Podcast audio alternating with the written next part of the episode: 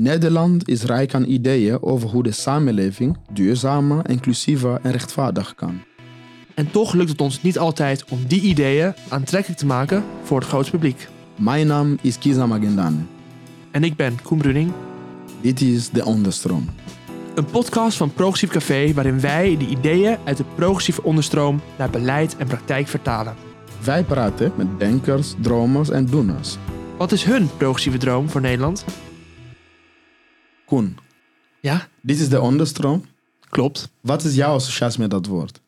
Ik krijg er misschien een beetje een populistische associatie van. Heeft Ook- eh, progressief Nederland iets meer populisme nodig? Misschien. Eh, ik krijg er ook een associatie van dat er een bepaalde stroom onder de bestaande golven bestaat. En dat die ieder moment omhoog kan gaan komen en de politiek ontzettend kan gaan verrassen. Heel populistisch kan gaan verrassen. Maar ik denk wel dat de progressieve politiek meer populisme kan gebruiken. Maar wel populisme in een- de zin van het woord dat die pluralistisch is. Ja, Want tegenwoordig wordt het woord populisme toch wel heel vaak gebruikt voor bewegingen. Zoals een Bernie Sanders en een Trump. En die worden dan bij elkaar gevoegd. Terwijl echt populisme altijd pluralistisch is.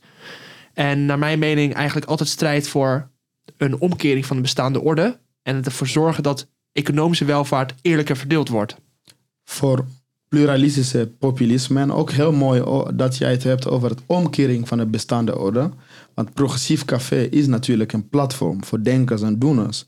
Om de waarde van inclusie, verheffingen, verge- help mij, duurzaamheid, in. Nederland. En daarbuiten in ere te houden. En voor ons houdt progressief politiek in natuurlijk dat wij de status quo bevragen ten behoeve van kwetsbare groepen.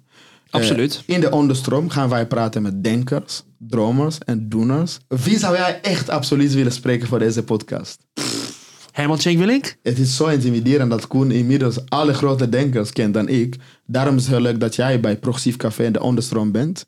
En ik kijk naar uit om in deze zoektocht denkers, dromers en doeners te praten over de progressieve droom van Nederland. Ja, want in de eerste serie praten we over de wooncrisis. Yes, kan je daar iets meer over vertellen?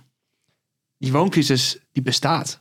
Ik denk dat heel veel Nederlanders door de woonprotesten die recent gehouden zijn, eh, met ook het politiegeweld in Rotterdam, bekend zijn geworden met de problemen wat de wooncrisis eh, allemaal omvat.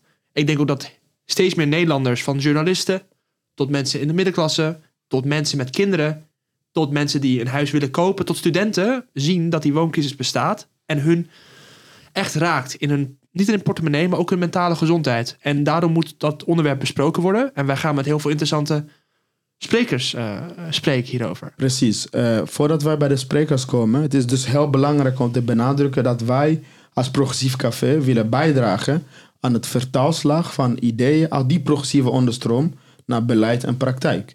En wat wij dus doen in deze serie, de eerste, onze eerste seizoen, is eigenlijk nadenken over het mensbeeld dat ons woonbeleid beïnvloedt.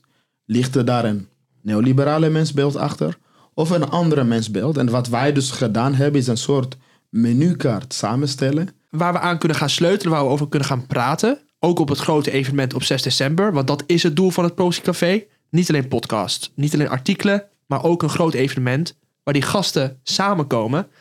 En waar de luisteraar en ook andere mensen daar met elkaar in debat kunnen gaan over alle thema's die we willen bespreken. En ik kijk daar heel erg naar uit. En in één adem, wie hebben we allemaal gesproken? Wie heeft bijgedragen aan dat menukaart? We hebben onder andere Katelijne Akkermans gesproken, praktijk- en actieonderzoekster, over dak- en thuisloosheid en hoe dat momenteel verkeerd gemeten wordt.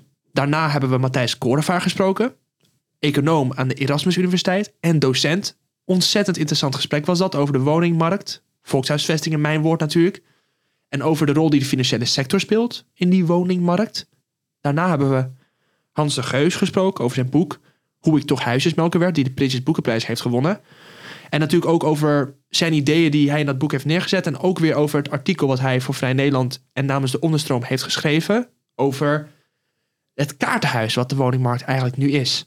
En hoe we dat potentieel kunnen oplossen. Ja, en daarnaast hebben wij interessante natuurlijk ideeën. eh, Zeno Winkels gesproken van de Woonbond. Klopt, Amma Eh, Boahe- Amma Bohen Boahin van de Landelijk Studenten Vakbond. en Floor Milikowski. En Flo Milikowski. En Al- niet te vergeten, Cody Hossenbach. Cody Onsterbach. Al deze denkers, doeners en dromers hebben bijgedragen aan een menukaart waar wij de komende jaren aan kunnen sleutelen om, eh, om dat rechtvaardige en progressieve woonbeleid eh, vorm te geven. En Koen heeft het zojuist benoemd. Deze podcast, de eerste seizoen, werkt toe naar onze volgende Progressief Café 6 december in Pakhuis de Zwijger. En gekoppeld aan deze podcast zijn er serie artikelen die wij als de onderstroom eh, cureren voor Vrij Nederland. Ben jij benieuwd naar deze podcast, ons evenement? En de artikelen? Ga dan naar progressiefcafé.nl Ga naar onze Twitter, het Progressief Café. en eh, tot 6 december en welkom bij de progressieve familie. Hou ons in de gaten.